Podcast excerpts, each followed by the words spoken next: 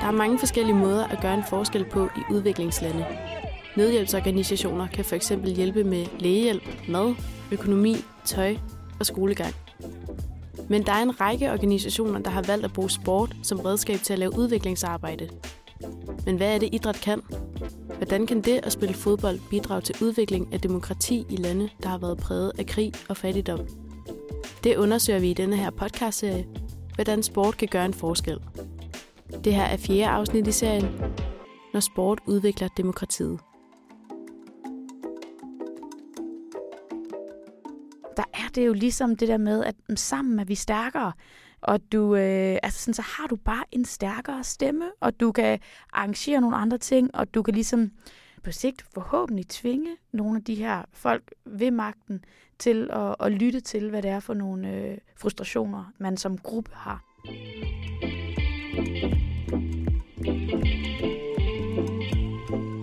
I det her afsnit undersøger vi, hvordan man gennem sport kan fremme demokrati, dialog og fællesskab. Organisationen fandt Football for a New Tomorrow, arbejder med sport og udvikling i flere lande, men primært i Sierra Leone. Det har vi snakket med Cecilie om, som er daglig leder og medstifter af FANT. Vi arbejder lidt, som navnet også siger, med sport og udvikling. Og det gør vi primært i Sierra Leone, men er også ved at starte op i nogle andre lande nu. Har blandt andet startet et projekt op i Ghana, og kunne godt tænke os at udvide til nogle andre vestafrikanske lande. Men vores fokus er ligesom at prøve at bruge sport i et udviklingsperspektiv. Her forsøger de netop at bruge sporten til at hjælpe med demokratisering. Men hvordan gør de så det? Jamen egentlig er det ret enkelt, øh, den måde, at vi ligesom prøver at øh, få demokrati ind i, øh, i vores aktiviteter, at det handler om, at før træning bliver der ofte er der en lille samling, hvor man spørger børnene, hvad kunne I godt tænke jer at træne med i dag? Hvad synes I kunne være sjovt?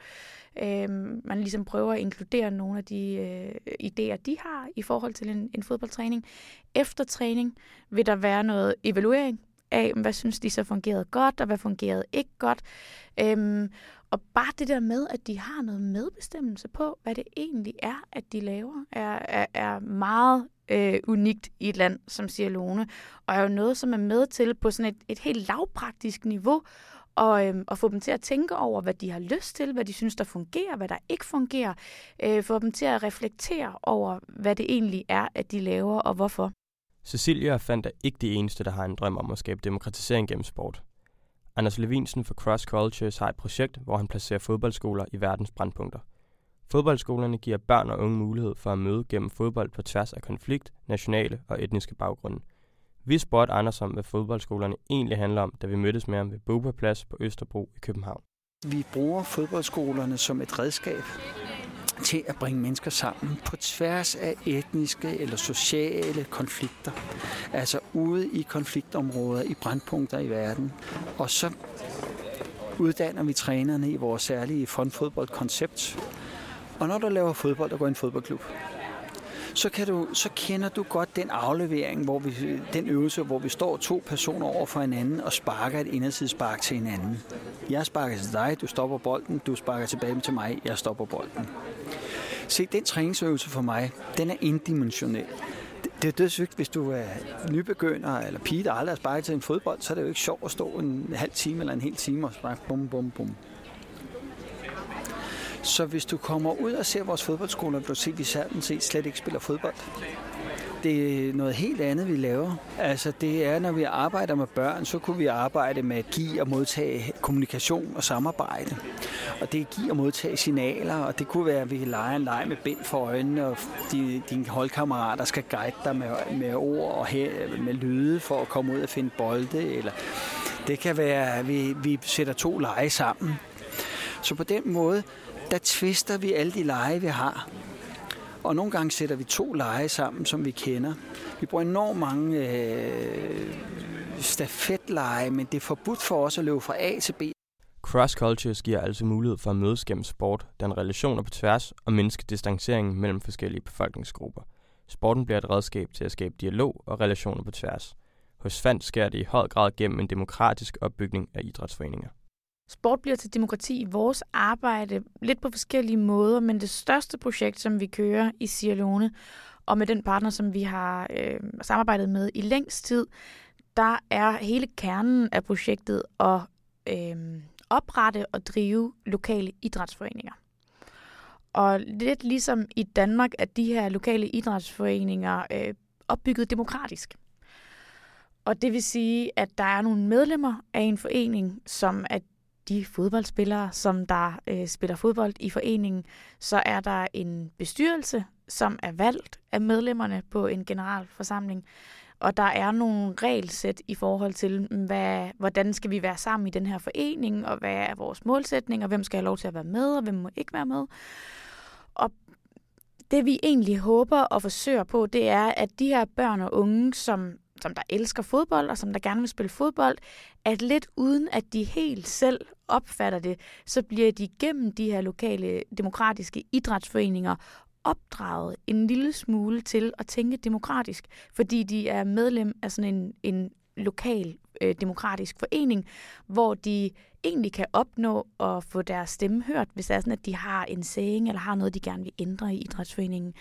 Hvis de synes, at der bliver fokuseret for lidt på, at de skal have en ny fodboldbane, eller banen skal forbedres, eller der bliver fokuseret for lidt på øh, kvindeinvolvering, så har de rent faktisk en mulighed for at at snakke med bestyrelsen, snakke med nogen af de mennesker i lokalsamfundet, som der tager de overordnede sådan, øh, beslutninger i forhold til, hvor vi skal hen det er jo på en eller anden måde børnene og forældrene, som der har magten i, den her, i de her idrætsforeninger, i stedet for, at det altså sådan, er sådan noget nogen oppefra, som der har nogle ressourcer, som der har besluttet, øh, sådan her skal det fungere, og øh, de her hold skal have lov til at træne øh, på banen, og øh, ressourcerne skal gives kun til det her hold, fordi det er min øh, søns øh, hold. Og så det der med, at der ligesom er nogle mennesker, som der sammen har en eller anden en stemmeret, gør jo også, at de mennesker, som der sidder på magten, kan blive nødt til at, øh, at varetage deres interesser, hvis de gerne vil blive siddende. Gennem foreningsliv og medbestemmelse skabes der altså en form for demokratisk dannelse. Demokratisering opstår ikke kun i form af afstemninger. Det mærkes også i muligheden for samtale og diskussion. Jamen, vores organisation og vores projekter er øh, opbygget på demokrati, også på den måde, at at der bliver diskuteret rigtig meget, der bliver debatteret rigtig meget, og der er ikke nogen umiddelbart, som der har en, øh, en beslutning, eller kan tage en beslutning, uden at, at de ligesom er blevet enige, eller at der er en eller anden årsag til, at den beslutning bliver taget. Øhm, og det er egentlig i alle de forskellige projekter, som vi kører. Ikke bare øh, det projekt, vi kører med vores idrætsforeninger, men også det projekt, som vi kører med med nogle handicappede øh, fodboldspillere, at der er det jo ligesom det der med, at mm, sammen er vi stærkere.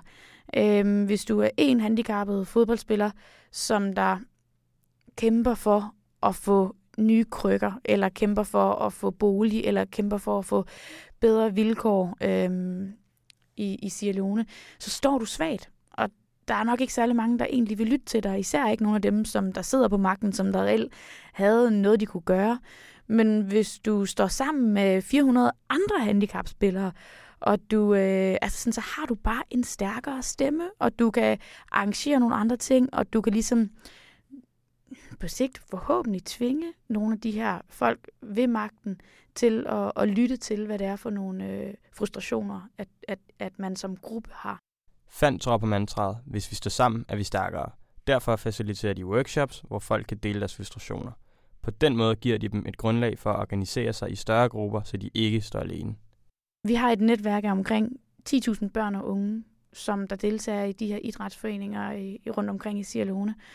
Og jeg tror, at den følelse af, som man som ung dreng i et eller andet slumområde sidder, er helt vildt frustreret over, at du har ikke økonomi til at gå i skole længere.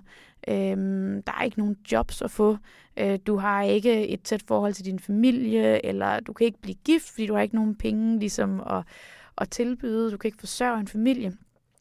At de frustrationer, jamen dem sidder der en anden mm, ung mand øh, 300 kilometer inde i landet, som der har de samme frustrationer.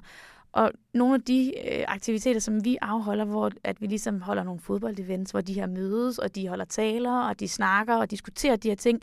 Jeg tror egentlig, det er ret stærkt følelse for dem at finde ud af. For det første, vi sidder ikke alene med de her frustrationer, men også på en eller anden måde at gå ind i en eller anden konstruktiv dialog omkring, hvordan, hvem er det, vi skal have i tale om det her, og hvordan er det, vi kan, vi kan gøre noget konstruktivt for at komme det til livs. Øhm, og det er sådan noget, som et idræt-fællesskab øh, kan. Hos Cross Cultures søger de også at fremme dialog, men i en anden målgruppe. De vil få folk, der måske i udgangspunktet er uenige til at kommunikere med hinanden. Anders fortæller os, at den kommunikation faciliteres gennem leg, fysisk kontakt og kommunikation uden sprog. Altså, det er jo et redskab til at bringe mennesker, som er i konflikt sammen. Og det gennemsyrer alt, hvad vi laver. Det gennemsyrer også, når vi nu kommer vi til lejene. Det gennemsyrer jo så det, at vi har jo enormt meget mange leje, hvor man er afhængig af samarbejde, eller kommunikere, eller give og modtage signaler, eller lege sammen. Det handler om, når vi har været i krig med hinanden, eller vi ikke kender hinanden, at vi skal ind og røre hinanden, vi skal ind og tumle, vi skal ind og bøvle med hinanden, så vi har enormt meget kontakt, og, og vi skal bære og løfte på hinanden, og vi skal, altså på den måde, ikke? Øh, så det er en måde, hvor vi arbejder meget fysisk med, med, med det her, uden at snakke det. Vi snakker ikke om konflikterne, men, men vi arbejder med lejen, og det skal være sjovt, og vi arbejder med fokus på børnene. Men målet er at skabe huller i situationen og få folk til at kommunikere. Altså, øh, mellem trænerne har du dialogen med ord og med workshops, og, og øh, hvor, hvor vi beder dem om at definere og forberede deres fodboldskoler og guide dem igennem en proces. Men børnene har jo en stor dialog i lejen. Både Cross Cultures og Fandt arbejder for at skabe forbindelser mellem mennesker og relationer gennem sport. I Sierra Leone kan man falde helt ud af samfundet, hvis man kommer ud for en ulykke. Her kan det fællesskab, som i udgangspunktet handler om sport, udvikle sig til et fællesskab med et menneskeligt ansvar. Det har Cecilie et eksempel på. Der er en oplevelse, som der har gjort rigtig særligt indtryk på mig, og det er, vi har en, en kvindelig træner, som der hedder Annie, som der fandt på, at nu skulle vi prøve at starte noget håndbold op. Det startede som et, et, et hold for, for nogle unge drenge, og de er sådan noget 15, 16, 17 år. Og de blev ret hurtigt ret tætte på det her håndboldhold, og, og synes at det var skide sjovt at spille håndbold, og øh, var egentlig tidligere havde været nogle fodboldfyre, men de fandt ligesom et helt specielt fællesskab på det her håndboldhold.